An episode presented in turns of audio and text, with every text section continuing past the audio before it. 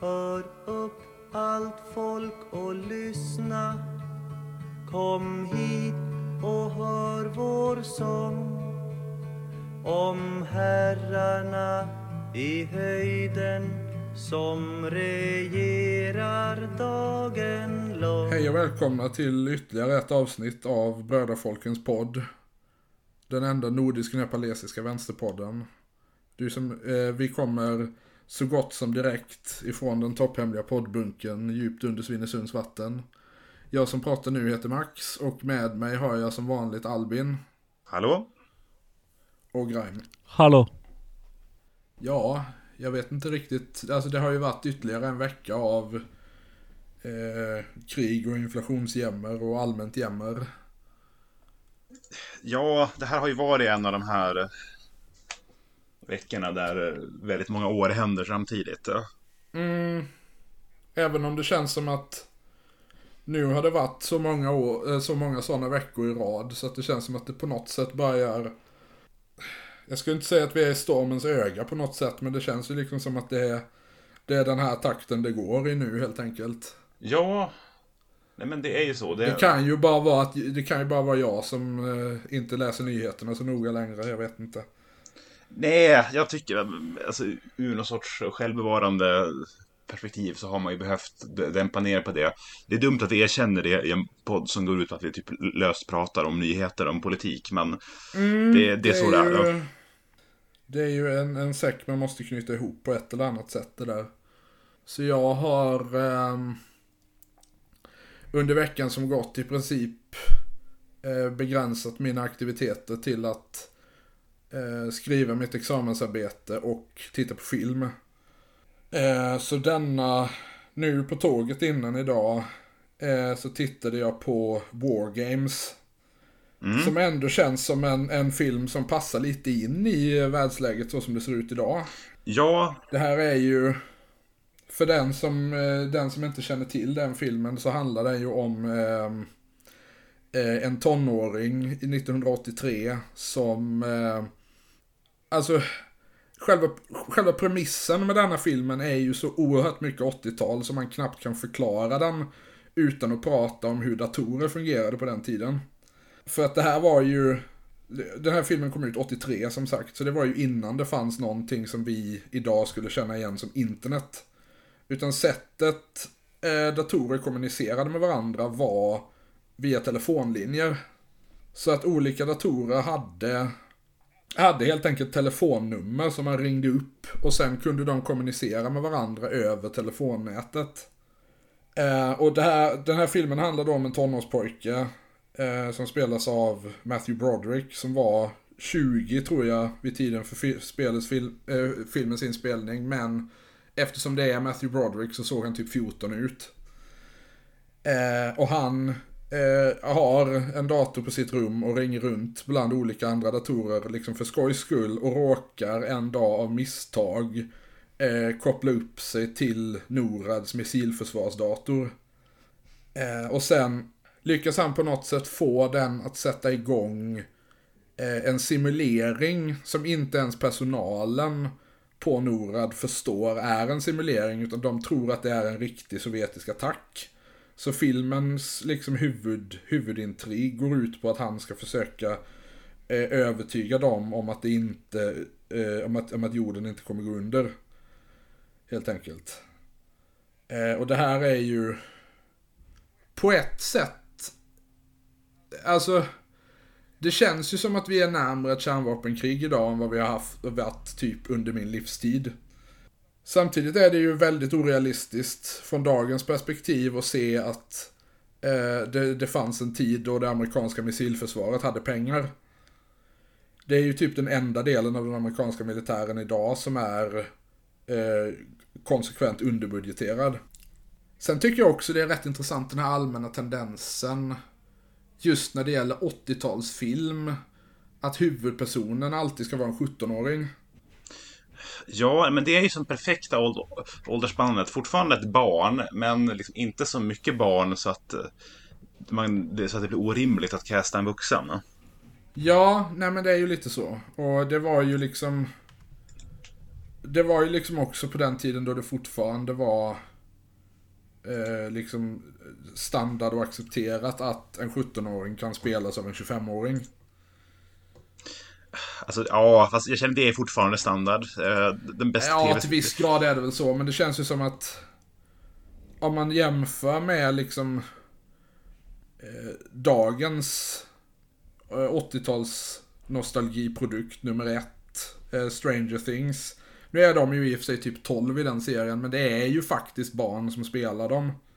Ja, det, så, kan, så är det för sig. Men på andra sidan, den bästa serien som har lämnat de brittiska öarna de senaste åren, Derry Girls, då är det 15-åringar som spelas av typ 32-åringar. det, Ja. Så det, det, det, det har nog inte gått någon större skillnad. Nej, det kanske är så. Samtidigt tycker jag det är väldigt intressant det där att det känns som att typ mitten på 80-talet någonstans var liksom peak ungdomskultur på något sätt. Ja, men Att det var, det var en period när liksom allting skulle handla om tonåringar. jo, På ett sätt som jag inte tror att, åtminstone när det gäller filmvärlden känns det inte som att det har varit så vare sig förr eller senare. nej, men alltså, jag tänker nu är vi på väg in tillbaka i någon sorts blandning av 70 och 80-talet. Eh, då, kanske, då kanske vi får, ja men dels ungdomsfilm, sen så också filmer som handlar om att, eh, ja men jag vet inte, presidenten försöker eh, liksom eh, avskaffa demokratierna. Presidenten blir tillfångatagen av ninjor, ja. Ja, nej men så det, jag, jag, jag, hoppas, jag, jag hoppas på allting som avbryter det, det, det nuvarande kulturella momentet. Jag är så trött på det. Ja. Sen så är det ju också intressant att eh, man har en, en film som handlar om den amerikanska militären där det inte förekommer en liten bit i eh, eftertexterna där de, de tackar Pentagon för sitt ekonomiska och vetenskapliga stöd. Ja, Det var ju verkligen en annan tidsålder på det sättet. jo, nej, det har ju liksom det... Nej, vet du när de började med det? Eh, Jag, alltså... Rent spontant känns det ju som om det är liksom en krig mot terror-grej. Jo, Men jag vet inte, det kan ju vara så att, för att alltså den amerikanska militären har ju haft, varit liksom eh, en, en så pass stor del av, av statsbudgeten som de är, typ sen andra världskriget. jo, nej men det, det, det känns... Så jag, jag vet inte Nej, men alltså, riktigt det, vad det som, när känns det kan som en börjat. 00-talsgrej. Det, Ja, men det känns, alltså det känns ju väldigt mycket som liksom en Bush, ett Bush-initiativ. jo.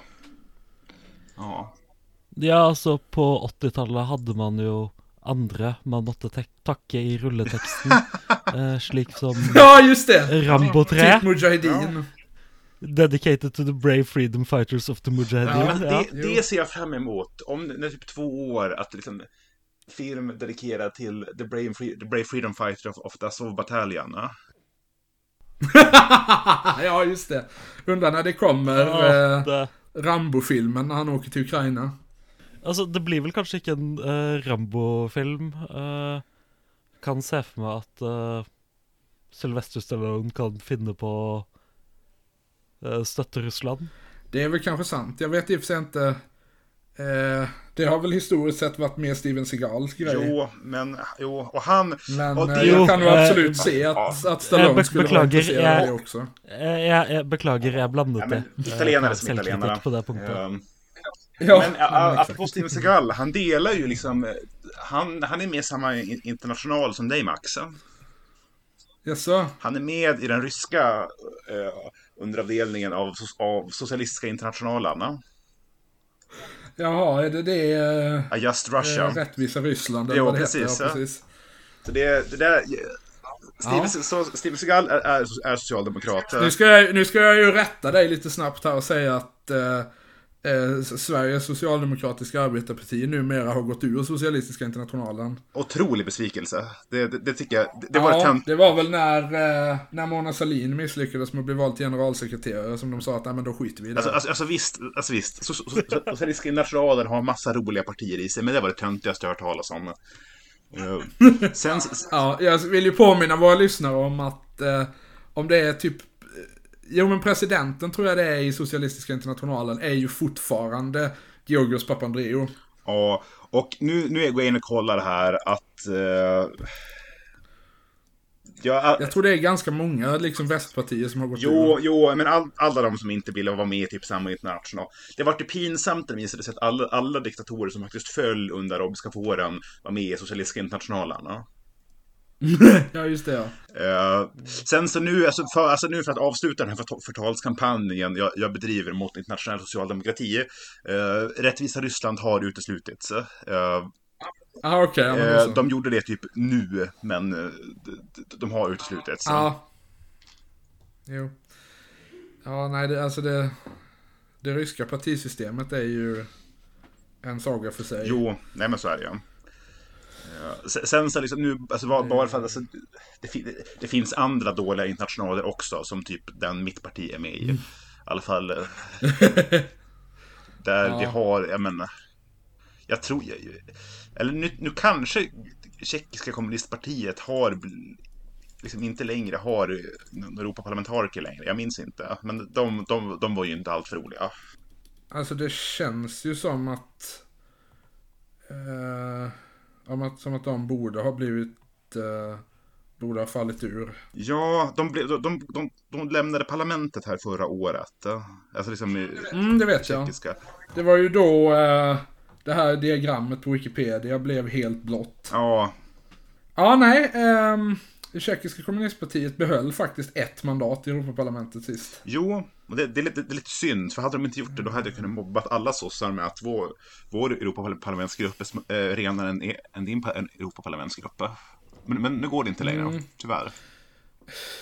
Tjeckien är ju ett, eh, ett lite ovanligt fall i Östeuropa på det sättet att de faktiskt har ett eh, kommunistparti som fortfarande kallar sig kommunister. För att de flesta andra eh, gamla kommunistpartier i östblocket har ju eh, gått över till att kalla sig socialdemokrater. Ja, det är typ, I, I veldig mange av disse landene er vel eh, navnet altså kom, kommunistparti eller kommunistisk parti eh, eksplisitt forbudt. Jeg vet i hvert fall at Ja, i de, i de aller fleste tidligere altså sovjetrepublikkene eh, så er det det, Jo. med unntak av R Russland, som da har altså den russiske føderasjonens kommunistiske parti, som da 90% av finansieringen deres er fra Kremlin, så man Ja. kan jo jo. betvile Stille spørsmål med hvilken grad de er Ja. et opposisjonsparti. Det- Ja, jo, det ska vi prata om någon gång, för det har hänt ganska mycket fascinerande grejer i ryska kommunistpartiet senaste åren. Men det, det, det, det har inte... Ja, men jag har hört det. Jo, men Alltså jag har hört ganska mycket om att de typ håller på att bli eh, mer liksom ett genuint vänsterparti. Men samtidigt så de människorna jag har hört detta från är ju i regel den sortens människor som tycker att liksom Putin är bra för att han bekämpar USA-imperialismen. Så att, Jo, nej, så här, alltså man ska inte ta, ta det för långt, men eftersom kommunistpartiet är det enda partiet i Ryssland med en egen identitet. De kan peka på en egen historia och Ja. egna grejer. Som, Just det, som liksom inte är direkt skapat av Kreml. Ja, precis. Så då är det typ, då, då har ja, men, jättemånga, eller många oppositionsmänniskor har typ tvingats in i kommunistpartiet och då sitter de här, den här gamla generationen som tyckte det var ganska nice att man bara höll med Putin om allt och sen gick, gick runt en gång om året och sa att Stalin var bra. Uh, Ja, då har de tvingats in på en sorts halvoppositionsroll. Jag tycker det är väldigt lustigt att eh, inför det sista Duma-valet att de skapade ett, eh, ett Kremlvänligt parti vars mål var att det skulle se ut så mycket som Navalny som möjligt. Ja, och han, hans... eh, Ja, Navalny kan, kan, kan man säkert också Han, han har ju förresten blivit, eh, blivit fängslad nu igen. Ja, jag hade, jag hade missat det. Alltså. Jag har hört, lite, jag har hört lite, lite skiljande uppgifter om det. Antingen är det 9 eller 13 år han har blivit dömd till. Fan. Ja, Men... nej. Det, alltså, det känns alltså, nu, nu är det verkligen bara skjuta från höften här. Men det känns som att Navalny, antingen kommer han vara rysk president om tre år, eller så kommer ingen se honom igen. Nej, men lite så. Och alltså, jag kan ju säga att å ena sidan känns det inte som att man genuint kan säga att Navalny är bra. Å andra sidan så är det ju inte superbra att han undertrycks på det sättet som han gör heller. Nej, nej, nej, nej. Alltså, det, här, jag, det, här, det här, var, här var inget uttalande om Navalnys brahet eller inte, utan mest att han... Ja, nej, naturligtvis. Men... eh, ja, nej, men nu har vi ju eh, återigen hamnat i... Det, det känns skönt att det finns inget samtal jag inte kan tränga in på olika europeiska kommunistsekter. ja, nej, det är... Nej. Men ehm, om vi ska återgå till det här ehm, som vi lite kort pratade om där med, med Sylvester Stallone och uh, Ukraina-frivilliga. Mm. Ja, jag hade... Det är ju en del, en del svenskar som har, eh, har, eller en del västerlänningar i största allmänhet skulle jag väl säga som har fått för sig att de ska eh, de ska åka dit nu. Det jag såg något, eh, för det var väl i och för sig några veckor sedan nu, men jag såg något inlägg från, från Reddit där det var någon som frågade om de typ om jag åker till Ukraina kan man se till så att man får eh, ett, ett, ett enkelrum med toalett. Ja, och det, det var ju lite det här. Jag vill, inte, jag vill inte sova i en korridor med andra. Nej, det var, det, det var lite det här jag tänkte komma in på också. Nu ska jag börja med det här för att jag känner jag har jag har gett mig själv rollen som poddens tanky lite för ofta. Eh, eh, jag är alltså genuint, genuin solidaritet med Ukrainas kamp för nationell, själv, nationell självständighet. Eh, alla som åker till Ukraina och liksom fack för faktiskt genuint stå upp för den. Eh, de, gör mer för mänskligheten än vad jag gör. Det här Alltså det är ju liksom, oavsett vad man tycker om de här personerna som personer så måste man ju ändå liksom ge dem det att de faktiskt gör något. Jo, och så, så det här hånet som kommer nu, det har inte med er att göra om ni nu mot lyssnar på det här. Um, ta hand om er. Uh, jag, jag, antar att vi har massa lyssnare i, på frontlinjen i, i Ukraina. Ja, absolut. Det är nog en, en, en stark beskärd del av vårt tvåsiffriga antal lyssnare. Som... Ja. Uh, men... Uh, så, så du, nu, nu, nu kommer jag sno din grej lite här Max, att, att, att läsa och skratta åt en artikel. Ja, men absolut. Det, det, kan vara, det, här, det kan vara på sin plats. Det här publicerades i måndags i Expressen med rubriken Svenska krigarna har lämnat. De blev rädda. Flera svenska Ukraina-krig... Det låter lovande. Ja, flera svenska Ukraina-krigare har redan åkt hem. Vi hade spioner på vår bas, hävdar en av dem som var först på plats och var missnöjd med säkerheten. Men Semin Gildis från Simrishamn är kvar i Kiev, väntar på att ingå i en specialstyrka och hävdar att de andra blev rädda. Ja, okay. Eh, på en ort nära Kiev gör Semin Gildis, 24 år, redo Eh, Eh, redan att skickas ut på nya hemliga uppdrag bakom fiendens linje. Han, han har redan gjort det tre gånger sedan han kom hit. Semin Yildiz lämnade sitt hem i Simrishamn för tre veckor sedan och anslöt sig till den ukrainska armén. Han ingår i en, en, internationell styrka som ligger under den ukrainska militären. Bara några dagar efter att kriget startat konstaterade Ukraina att 20 000 utländska krigare har anslutit sig till armén. Omkring 4 000 amerikaner, men också britter och frivilliga från andra länder tog sig in under krigets första dagar. Ukrainas ambassad i Sverige meddelar tidigare i mars att intresset från Sverige var stort. Ungefär 400 har hört av sig. Några av dem åker på torsdag och sen åker, åker fler. Jag vill inte berätta fler detaljer för säkerhets skull, säger Filip Brännvall, samordnare mellan ambassaden och brigadgruppen till TT. Och det här, det här, det här låter ju bra, tycker jag. Alltså återigen, det här är människor som gör någonting. Jag gnäller på inte. Ja, alltså det finns ju ingenting att riktigt, uh, riktigt motsätta Nej, sig i det, det lästen, så länge det är. Jag, jag gnäller på internet och pratar i en podd. Uh, men uh, nu, tänker, nu, nu kommer vi in till den här gruppen människor som jag tycker man verkligen ser prata mycket om hur viktigt det är att alla ska hjälpa till i Ukraina. Ett femtontal svenskar har, ska ha varit på plats vid militärbasen i Javoriv, utanför Lviv. Men nu har de flesta svenskarna åkt hem.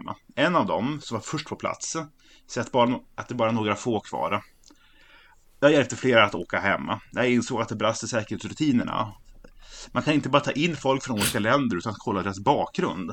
Det som hände på vår militärbas när att inser att vi hade spioner bland oss, säger svensken som nu är hemma i Sverige igen. Det här, det här tycker jag är så spännande, att liksom man åker till ett litet... Ja, jag ska ju nämna det att eh, den här militärbasen ligger alltså typ en mil från polska gränsen. Ja, det är verkligen... Så att det, det... det, är ju liksom verkligen bara att de har gått in till tårna och sen... Jo, precis. Eh, vid militärbasen eh, och de flesta utkre... och de flesta utländska krigarna placerade i väntan på att skickas vidare till andra platser. Tidigt på söndagsmorgonen den 13 mars utsattes basen för en, för en missilattack. Svenskan, som vill vara anonym, säger att det var det som fick honom att ändra sig och åka hem. Ryssarna attackerade med precisionsinriktade missiler. När vi bombades fungerade inte flyglarmet. Någon måste ha stängt, någon måste ha stängt av det. Missilerna träffade platser som utländska krigare inte har tillgång till. Hur visste ryssarna så detaljerad information? Frågar sig den svenska mannen. Dessa saker har gjort att han, att han tror att gruppen var infiltrerad av ryssar. Det måste ha haft någon på plats som gav dem information, säger han vidare. Och det här är så praktiskt. Liksom, alltså, visst, man åker ett litet fattigt land utsatt för ett brutalt angrepp. Det visar att det är kaos där, men, man, men ryssen gör ju att man, inte, att man inte ens kan kriga, för, för ryssarna har infiltrerat allting. Så de, de, de, Ja, ja, ja. Allt, allt kaos i Ukraina är ju på grund av dem. Jo, så att det är specifikt att det finns ryska infiltratörer som gör att det typ inte funkar grejer ibland. Då. Ja, det, är alltså, det finns ju, alltså det här är ju säkert kunskap som de har tagit med sig från, eh, från den, svenska diskursen. Att allt är ryssens fel. Jo, och jag tycker framförallt att det är så skönt för dem att nu gör ju ryssen till och med att de inte ens kan göra sin manliga plikt och slåss för den västerländska civilisationen. Då. Det är ju, det är ju, det är ju skönt när det blir Ja. så på ett sätt. Eh, Att det, det, det rimligaste de kan göra är att bara, nej men faktiskt, då åker vi hem. Eh, Han berättade också att tre bussar som lämnat basen tidigare har hamnat i bakhåll. Hur visste, hur visste, hur visste ryssarna det? Nu, jag har inte varit, aldrig gjort militärtjänst, jag har aldrig varit i krig, men det kan ju inte, alltså det, det, det här kan, ju inte vara första, Nej, det, nej, här, alltså- det här kan ju inte vara första gången i vär- i världshistorien som folk, som soldater som åker i krig, att grejer, att grejer går fel och folk dör.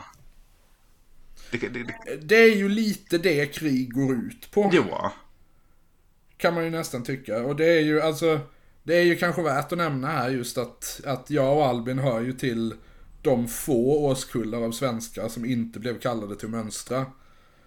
ja precis. Ja. Så vi, eh, Så att, alltså, vi 90-talister är ju verkligen i ett nålsöga där. jo, så är det verkligen.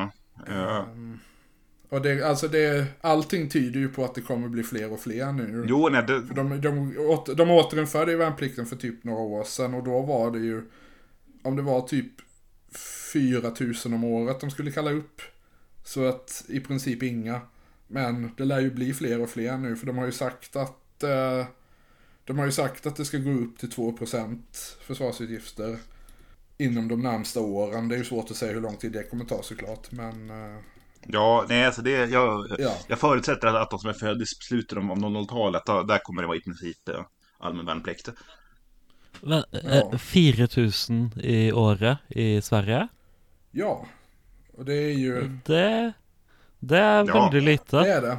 Eh, jag tror Nor att, Nor Norge, som har cirka halvparten så mange innbyggere, har Jeg vet ikke, jeg tror det er en 9 eller 10 000 ja. eh, vernepliktige. Men det var väl vet ungefär, inte. alltså Innan vi avskaffade värnplikten första gången under Reinfeldt så tror jag det var ungefär på motsvarande nivå vi låg. Jo, ja, okej, Eh, ja. Så att det är ju, alltså denna, att det återinfördes nu för ett par år sedan var ju verkligen bara för att eh, de skulle kunna fylla ut sina rekryteringssiffror. ja, och sen så, det, det går inte att underskatta hur mycket svenska försvaret i, i princip lades ner på 00-talet. då. Ja, exakt. För att på 80 och en bit in på 90-talet så hade ju Sverige typ eh, lika, lika starkt värnpliktssystem som Finland fortfarande har. Jo, Vi var ju en av de, alltså vi hade ju en av proportionerligt sett en av de största militärbudgetarna i världen. Under kalla kriget. jo, det, Och Det är är ju alltså som, som Albin säger, det är ju svårt att överskatta hur pass mycket det vände sen när kalla kriget tog slut. ja, alltså på 10-20 år så gick det från kan, mobil, kan mobilisera 700 000 till kan mobilisera 10 000 Mm. ungefär.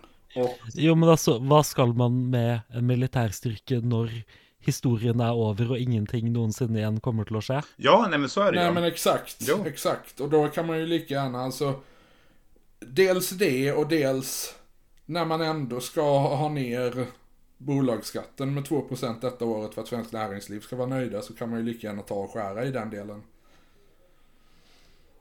Ja, nej men så det har vi har. eh, Men vi, vi, vi, vi jobbar oss upp här nu till 10 000 och snart går vi, kommer vi ändå gå med i NATO så då, då, måste, Ja, då, då, måste, då måste vi lägga 2% av, statsbudgeten. Jag såg att i, eh, i Finland så är ju eh, Vänsterförbundet som är det en, i princip det enda partiet som fortfarande är principiellt mot NATO i Finland.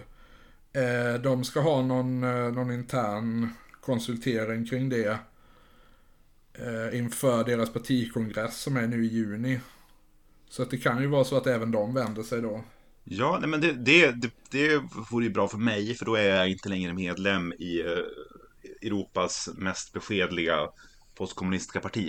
Utan Då är det Finland som, har- som har det. Ja, det är, alltså, det är, ju, det är ju anmärkningsvärt det där. Eh, Ja. Eh, Det ser også ut til at man kommer til å få en Nato-debatt på det neste årsmøtet til SV i Norge. Ja, just det, för de partiet som- grundades ju explicit för att vara mot det, eller hur var Ja. det? Ja. Eh, Ja, partiet som ble grunnlagt av Nato-motstandere i Arbeiderpartiet og Warszawa-pakt-motstandere i Kommunistpartiet, eh, skal nå altså ha en seriøs diskusjon om man fortsatt skal være mot Nato-medlemskap. Nu är ju det mer av en akademisk fråga i Norge i och med att ni redan är Jo, med i NATO. absolut. Men eh, jo, det är ju, det är ju slående, Eh, som du säger. Det, eh, det hører jo med til historien at altså Jeg tror det er 70 av SV-velgere som er for Nato, og jeg tror det er flertall blant medlemmene for Nato òg. Är Alltså bara- hur, hur ser siffrorna ut liksom för befolkningen i stort i Norge? Eh, Vet man det? Jeg vet ikke, altså. Jeg tror det er altså, en sånn situasjon hvor det er så overveldende flertall at man gidder ikke måle det. Det är väl kanske så. Ja. För jag vet ju att eh, i Finland så har det ju varit en ganska stark majoritet nu sen Ukraina-invasionen. Eh, innan dess var det väl ganska jämnt delat. Eh, och i Sverige tror jag väl, alltså i Sverige tror jag det är typ en, en, en knivskarp majoritet, alltså typ 51% som var för sist de mätte det. Jo, eh, siffran jag har i huvudet är att det typ Ja, och den, det är något jag kan ha hittat på helt. Det var typ 49% för 26% mot eller något. Ja men det låter väl rätt. Ja, sen, jag tror att det där kom... Jag, Ja, jag, jeg fant en måling fra Norge, eh, publisert eh, for to uker siden. Okej. 95,6 eh, ønsker å fortsette å være medlem i Nato. ja. Men... Eh, Ja. det är, nu, nu är det nästan så Men sen, är, sen känns ju det som att det är den typen av frågor som är ganska avhängig av hur man ställer den. Ja, och att... För att att, alltså jo, det såg man ju i, eh, i USA när de pratade om det här med eh, att införa en flygförbudszon över Ukraina. jo, Eh, där var det ju typ, när man, när man frågade amerikanska medborgare om de var, eller amerikaner, att, om de var för en flygförbudszon så sa typ 72% ja. Om, de sa, om man frågade om de var för att USAs militär skulle börja skjuta ner ryskt flyg så sa typ 72% nej. Ja, nej, så är det ju. Och... Så det är ju, alltså... Försvarspolitik är väl en sån fråga där jag egentligen skulle säga... Även om jag i allmänhet inte gillar att använda den typen av argument så skulle jag nog ändå säga att eh, det är en sån fråga där representativ demokrati faktiskt är en bra idé. Ja, ja, Man, ja. kan inte riktigt, man kan inte riktigt lita på att hela befolkningen vet exakt vad det är de tar ställning till. Jag har inte tänkt över den frågan så mycket, men jag, jag vet att debatten här gick ju att eh, det, att, det, att, att det skulle vara orimligt att eh, om vi skulle gå med i NATO att ha en folkomröstning om det innan. Så jag, och, och, då- och då kom de argumenten från människor som inte jag tycker om, så jag, jag har nu gått, gått, gått på det motsatta. Ja, för det var ju... Eh, vad jag förstår så var ju det tydligen det, det finska vänsterförbundets linje nu att de ska folkomrösta om NATO. Men, eh, ja. Alltså nu, alltså nu, bara för att jag liksom... Det här, det här är bara, bara självskadebeteende från min sida. Men alltså Gr- Grimes, snälla säg att i alla fall Rött fortfarande är NATO-motståndare. Ja, eh, jeg har Det er ingen grunn til å tro at det blir noen seriøs diskusjon om Nato-medlemskap i Rødt. Ja, nej men, ja, bra. Men som sagt det här är bara akademiskt. Norge kommer ju inte lämna NATO. Det, är ju, det hade ju varit... Nei, nei, åpenbart. Det, ja, den nej. eneste måten det vil skje på, er hvis Nato legges ned. Ja. Och det lär nog inte hända inom våra livstider. Nej, Nei, Dessverre. det ser ikke sånn ut. Fast, fast, liksom, det, fast det kanske blir... Även om vi kanske har lärt oss nu under den sista månaden att den typen av kategoriska uttalanden kanske man ska vara lite försiktig med. Nej, och det kanske blir så att opinionen svänger nu när generalism och Stoltenberg kommer hem och NATO får den här kroatiska fascisten istället. Ja. Ja, om han nu ska Ja, göra det. apropå det. eh, Så Men alltså ska vi, Albin, ska vi... Om du, ska du läsa klart? Ja, nej, nej, nej, nej, men vi, vi, vi, var nog, vi, var, vi var nog klara med håndelen. Resten var bara en ganska fin intervju med en, Ah, okej. med, med, med en ung svensk kille som åkt ner och faktiskt gör bra saker. Ah, Okej, ja, men det behöver vi inte. Alltså, den typen av grejer kan folk vända sig till andra nyhetskällor för. Typ Ja. Expressen. Ja, så ska vi gå över till eh, nästa del av vår återkommande serie. Var i världen är Jens Stoltenberg? Eh, Jo, eh, Jens Stoltenberg eh, kommer eh, til å fortsette å være i Brussel, eh, på Natos hovedkvarter. Ja. Eh, perioden hans som generalsekretær i Nato har blitt forlenget eh, av relativt. Eh, Eh, ja, det är väl... Ikke et veldig godt tidspunkt å altså skulle eh, introdusere en ny ledelse i Nato. Nej, och som jag de har förstår lite det att så med. finns det ju inte riktigt någon uppenbar kandidat heller. Eller hur är det med det? Eh, Jeg har ikke hørt noe om hvem det var meningen at skulle overta foran. ja men det, var, det är väl den kroatiska presidenten, eller för detta presidenten. Är det kanske det är? Jag de, men de är med i NATO alltså?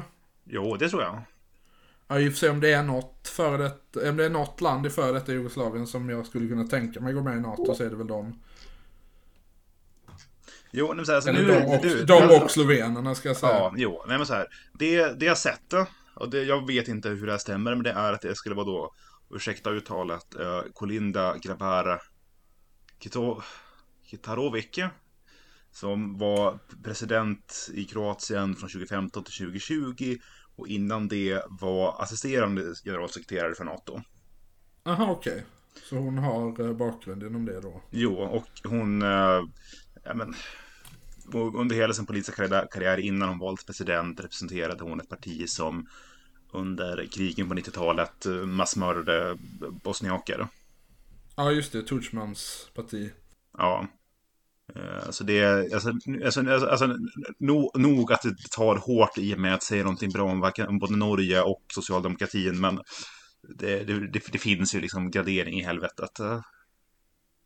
Ja, men lite så är det ju. Alltså, eh, det är ju svårt att se att det fanns några bra sidor i det kriget, men jag kan ju säga att, att Tudjman och kroaterna var det ju inte. Nej. Ja.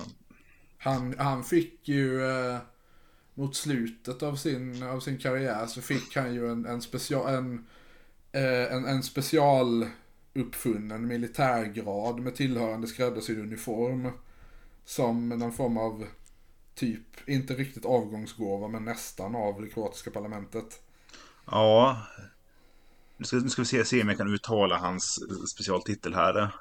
Vrovnik. Vilket också, det, det, det, låter, Vrovnik, ja det, det. låter ju som någonting som, man- som men liksom, men, valfri axel, axelmaktspart Ja, hade, lite så. hade gett sin... eh, Verhovny betyder ju högst på Ja, en del slaviska språk så det är väl typ eh, Alltså det, det betyder väl typ överbefälhavaren eller något sånt. jo, precis. Och det, uniformen in, inspirerad av Titos.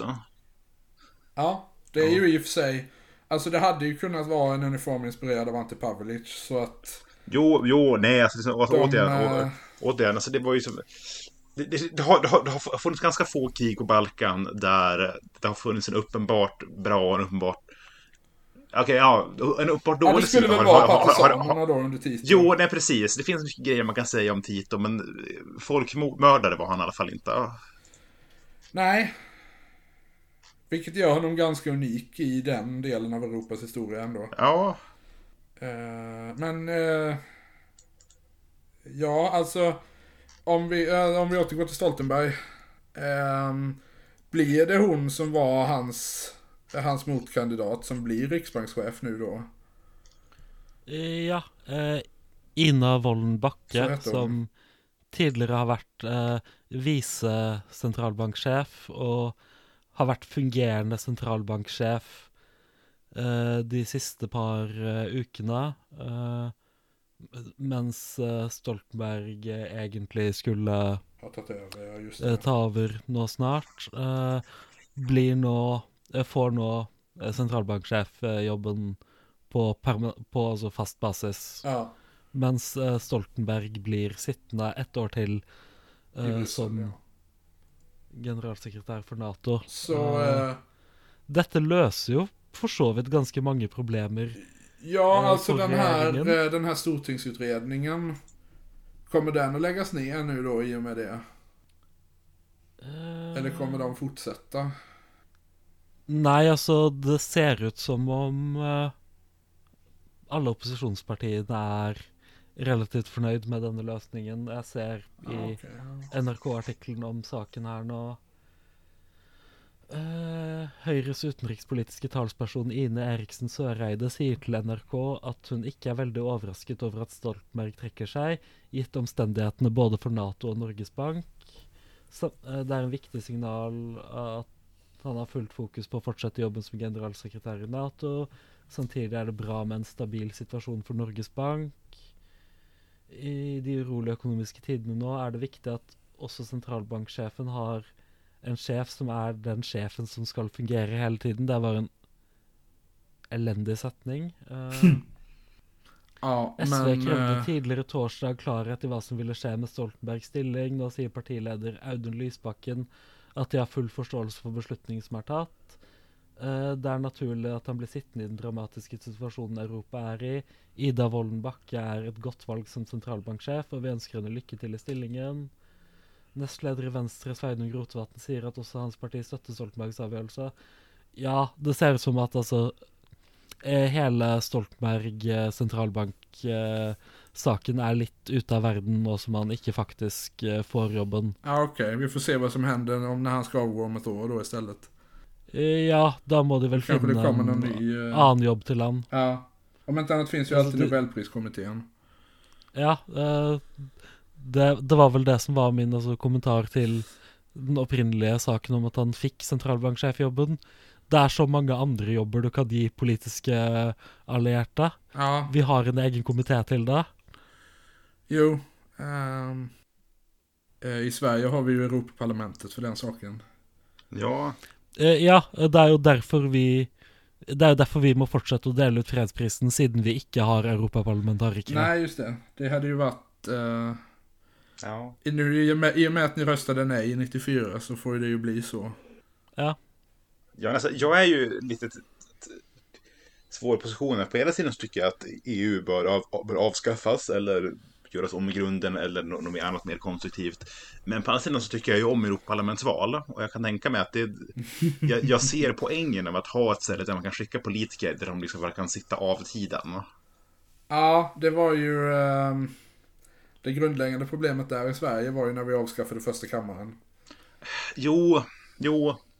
Nej men det är så här, För det är ju, i de flesta europeiska länder så har man ju ett överhus som fyller den rollen. Ja, nej men oh, ja, vi kan inte återinföra första kammaren. Det skulle, det skulle bara bli massa, vara massa moderater. Men, Inte på det system, inte på det sättet som den fungerade när den fanns. nej, nej. men vi kan återföra den som typ, som typ irländska senaten. Det, den. eh, Ja, Eh, Hvordan fungerte det når det eh, eksisterte? du hade... Eh, med, eh, ledamöterna var valda av landstingen.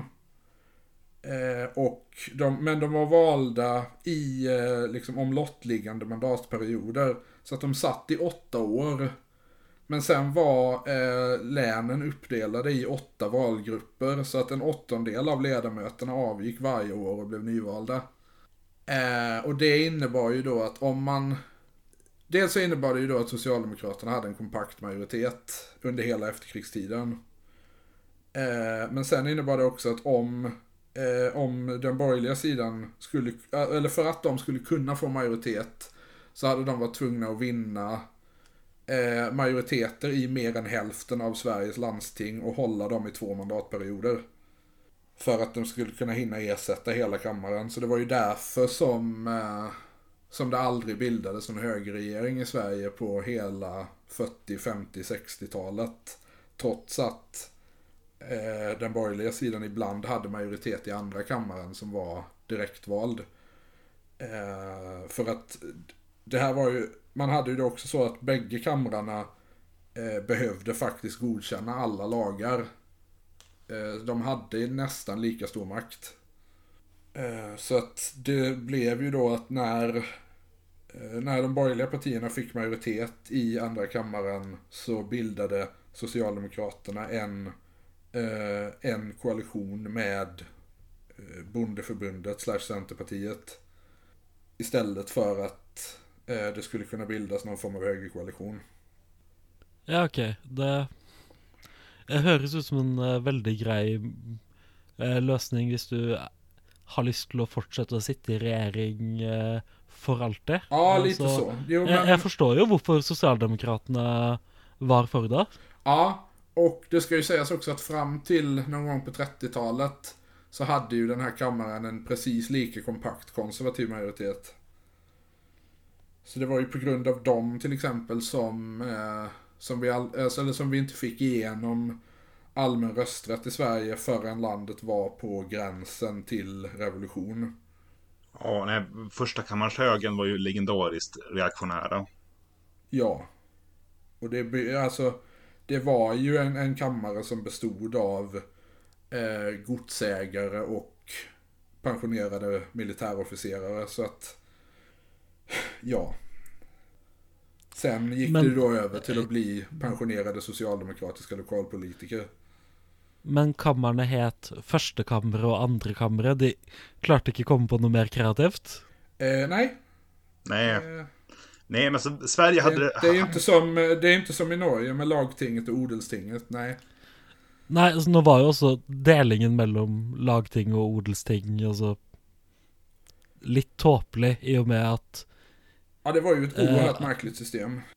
eh, Jo, altså, de ble jo valgt i det samme valget, og så delte representantene seg i to ulike kammer etter å ha blitt valgt.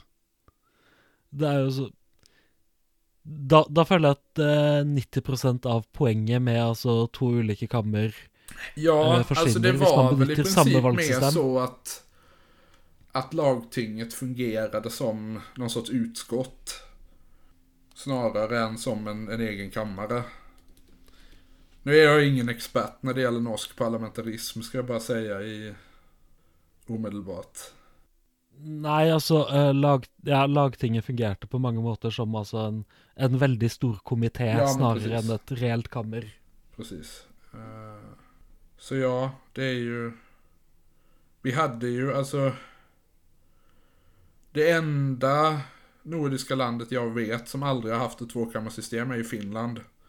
För de gick direkt från, eh, från ståndslantdagen, som det hette i Finland till ett enkammarparlament efter eh, ryska revolutionen 1905.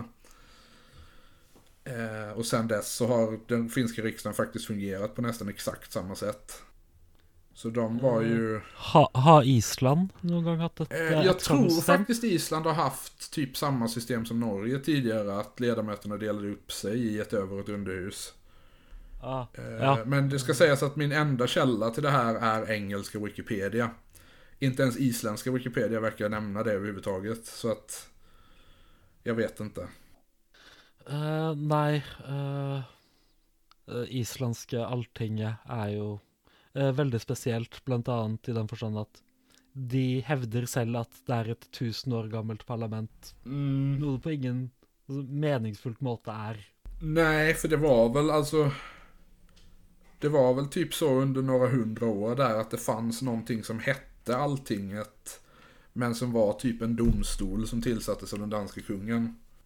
Eh, ja Det är väl så jag eh, förstår det ungefär. Etter eh, den perioden så var det også sånn rådgivende eh, forsamling som altså ga den danske kongen altså, råd om eh, hva de burde gjøre på Island, men som ikke hadde noen altså, lovgivende makt. Ah, okej, ja. Lite som Så- Sametinget. Eh, ja. Eh, Som ju i och för sig, alltså som vi har sett nu i Sverige de sista, den sista veckan så har ju de knappast ens någon rådgivande makt över den svenska regeringen. Nej, jag, det, det där... Nu går jag tillbaka till det jag pratade om förra veckan om eh, gruv, gruvan utanför Jokkmokk. Jag ser det som inte som omöjligt att det här var en markering mot eh, alla samer och miljöpartister och annat folk som nuvarande regeringen tycker, eh, ty, tycker lite illa om att, jag kommer inte tro att ni är något. Ja, men lite så va. Och det är ju lite så den som den svenska eh, den svenska Norrlandspolitiken har fungerat de sista 150 åren. Ja. Men för kanske, om vi var klara med äh, Stoltenberg. Eller? Ja, och våran, äh, våran lilla jämförande statskunskapsföreläsning. Ja, men det är sånt uppskattas alltid. Uh, nej, men för att kanske i alla fall avsluta mitt involverande i den här podden. Om du kan prata om gamla kommunistpartier så kan jag prata om gamla valsystem. Ja, men det, jag känner att jag vet inte om ditt är liksom hälsosammare på ett, hälso, på ett liksom, mer liksom, sorts, sorts psykologiskt plan, men det är mindre chans att folk tittar på en så att man är helt sjuk i huvudet. ja, du, det, det har hänt kan jag säga. Men eh, för att återgå, vad var det du... Uh... Um, ja, det men för att uh, ja, jag måste springa iväg snart, men för att avsluta mitt inblandade det här på något sorts positiv nivå, att um, har ju det, det coolaste svenska fackförbundet, som inte är syndikalister, det svenska hamnarbetarförbundet, har satt ja. alla ryska fartyg i blockad. Just det. Uh, jo, alltså det, det hamnarbetarförbundet är ju ett, ett fack som bildades jag, vet, jag, jag tror vi kan ha pratat om detta i tidigare avsnitt, men de bildades ju på 70-talet för att eh, det LO-förbund som organiserade dem, om det var Transportarbetareförbundet. Ja, det, det är Transporten. Ja, eh, jag var lite osäker om det var Transport eller Seko, men det är nog Transport som du säger. Ja. Eh, för, för att de inte var tillräckligt, eh, tillräckligt stridsbenägna. Ja, precis. Eh, så de, eh, de är ju då ett, ett fristående fackförbund som inte är med i någon av de eh, liksom stora, stora fackcentralerna, typ LO eller TCO eller något sånt. Eh, och som är, jag tror inte de har liksom någon, någon riktigt, eh, någon riktigt eh, fast ideologisk position. De var väl, det var väl en period på 70-talet när de och KPMLR stod varandra ganska nära va? Det känns som att det borde ha varit eller, så. Eller, eller KPMLR tyckte väldigt mycket om dem i alla fall. Sen ja, vet jag inte om det var... Nej, om, om, om, om det var dem sidoförhållande kan vi nog inte gå in på. Nej, eh, men de är ju liksom ett, ett, ett självständigt, väldigt radikalt fackförbund. Jo, alltså, alltså, alltså, om, om inte annat väldigt radikalt i fackfrågor. Uh... Ja, jo precis. De är ju... De, har inte, de håller inte på så mycket med liksom partipolitik på det sättet som, som LO-facken gör till exempel. Nej, eh, det är, det är mer att alla partier till vänster om socialdemokratin eh, försöker konstant att visa att vi är på er sida. Snälla, prata om oss, snälla se oss. Ja, nej men lite så. Eh, ja, men då, då har ju de bestämt sig för att nej, vi, vi, vi sätter alla ryska fartyg i de hamnar som de organiserar i blockad. Vi tänker inte hantera varorna. Det är... Ja, det är ju om inte annat, alltså när man hör liksom att, att Hamnarbetarförbundet eh, eh, stänger ner hamnarna i solidaritet så får det ju mig genast att tänka på Disco Elysium. Jo, precis. eh, det, det här, det här eh, Discord är ju inte ett eh, visuellt medium, men Eh, Grime och Max kan ju se att min Discord-sektion kommer från Disco Elysium, så du, du, du var ju inte helt ensam i att tänka det. Ja, naturligtvis. Det har inte jag lagt märke till. Eh, nej, det där är uh, Masovian Socioeconomics. Det är väl en, en, av, en av de tanke... Jo, precis. det, det där är Masovian Socioeconomics. Ja. Ja, naturligtvis. naturligtvis. Såklart, såklart så är det det. Uh, ja, The big nej, communism builder. Precis. Uh, ja, nej, men det, det, här, det, här, det, här, det här är, ja, men det är bra. Bra gjort, Hamnarbetarförbundet. Lätt, lätt till lite roliga reaktioner. Det gjort att Liberalerna helt plötsligt har blivit mer radikala i uh, arbetarfrågor än LO. Ja, för jag såg ju där att hon, uh, Gulan Avci, skrev någonting om det. Jo, uh, sen visade det sig att hon... Uh, att, hon tyckte det var, det var coolt att uh, Hamnarbetarförbundet gick ja. ut i, uh, eh, aktion. Och sen var det ju typ hela vänster-Twitter eh, bara regnade ner på henne att du, eh, röstade inte du för att begränsa strejkrätten eller hur var det? Jo, hon och hennes parti tycker att det de gör ska vara olagligt. Um, Ja. Eh, men det gav också en lite rolig Så- Det, reaktion. ja, det är alltså- ju alltså, ur ett liberalt perspektiv förstår ju jag dem för att det där hindrar ju den fria marknaden från att ha sin gång. Ja, och det bryter, bryter väl säkert mot, de avtal som Handelsrättsförbundet har om att göra sitt arbete Ja. och så vidare. Får inte tala om eh, icke-aggressionsprincipen. Ja, men absolut. Eh, Jag tycker att hamnarbetarna skulle debattera Ayn Rand med ryssarna tills de la ner. Ja. Eh, jo, nej, men det här har också resulterat i att eh, Transportarbetarförbundet, som organiserar eh, flera andra svenska hamnar, eh, har också be- behövt ta ställning till det här. De har eh, i alla fall tillfälligt skjutit det här på framtiden att ja, det, det är inte värt det för som de argumenterar, så lite av rysk handel går genom Sverige, så vad, vad spelar det för roll? Då? Stämmer det? Nej, alltså nå var det väl ingen som... Det är väl om inte annat rätt mycket trodde rysk att det utrikeshandel här som går genom ville- Östersjön.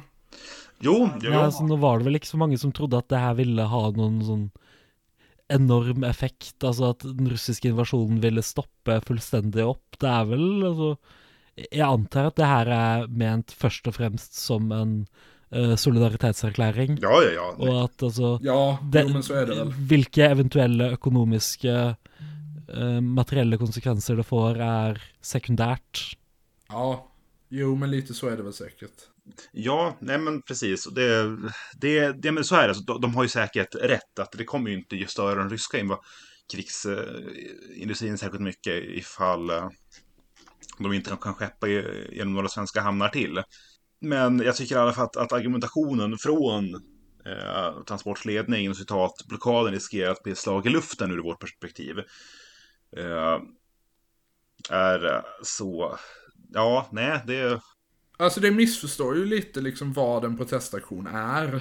Jo, och det känns som att ha, ha, hade jag hittat på det här, när jag skrivit det här liksom i en skönlitterär text, då hade jag ju blivit anklagad med viss rätt att men nu, det här är liksom bara svartmåla LO-förbunden och liksom ganska plump satir. Det här, nu, nu tycker jag du får nyansera det lite Albin. Ja. Undrar vad Svenska Arbetstagarförbundet har att säga om det här.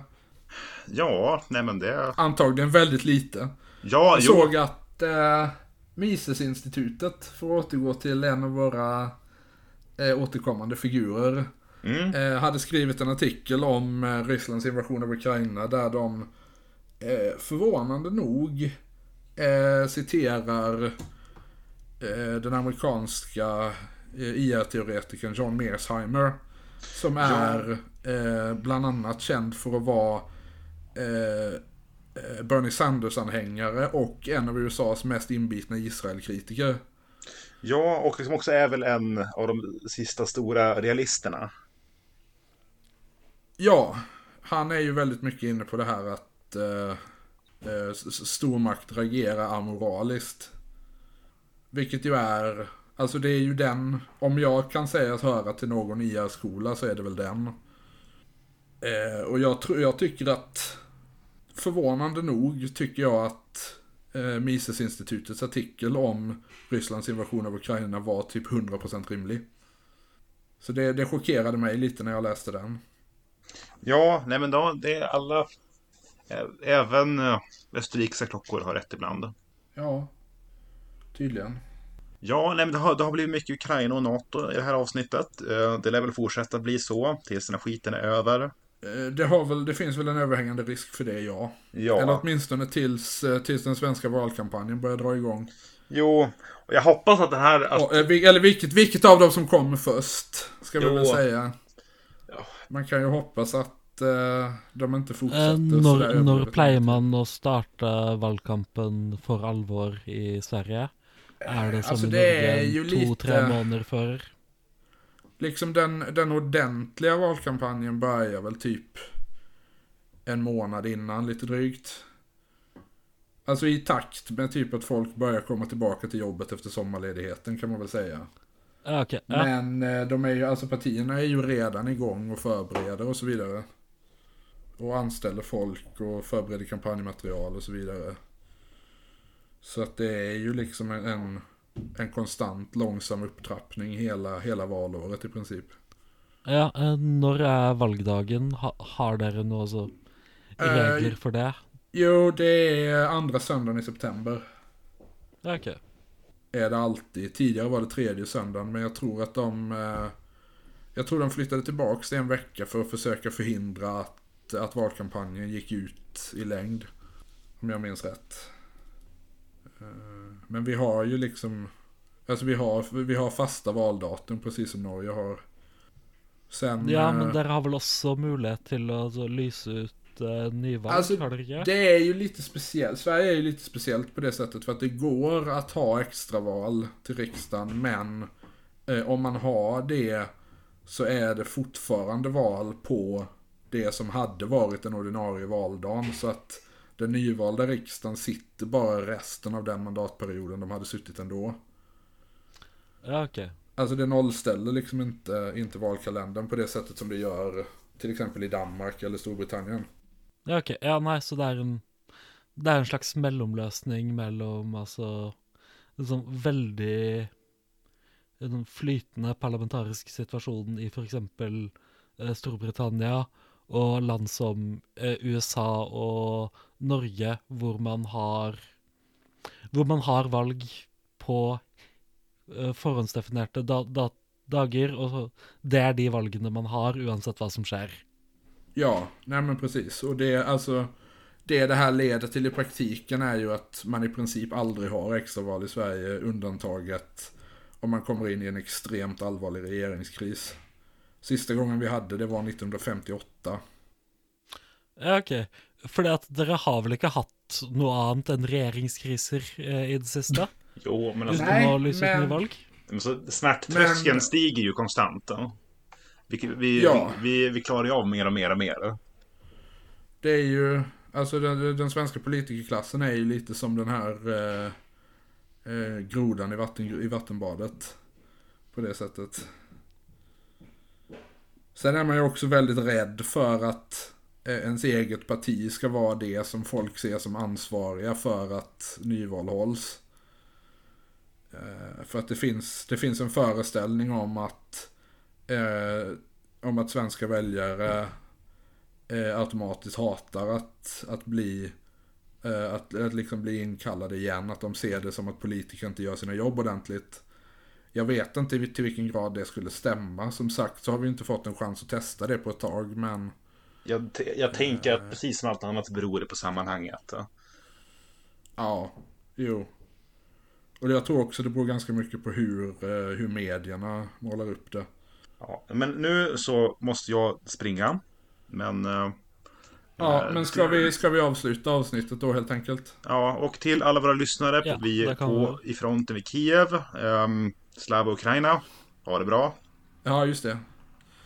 Eh, ja, eh, vi tackar för denna veckan då helt enkelt. Eh, precis som tidigare veckor så kommer vi ha länkar till eh, Röda Korsets hjälparbete i Ukraina. Där kan man, om man av någon outgrundlig anledning lyssnar på den här podden och känner att man vill, eh, man vill, man vill ge oss pengar så ge dem pengar istället. De behöver det mer än oss. Ehm, och ehm, du kan hitta oss på Twitter, att Brodrafolkens. Och där kan du också se länkar till vad man följer oss som gör podden. Eh, så tack för denna veckan. Hej då!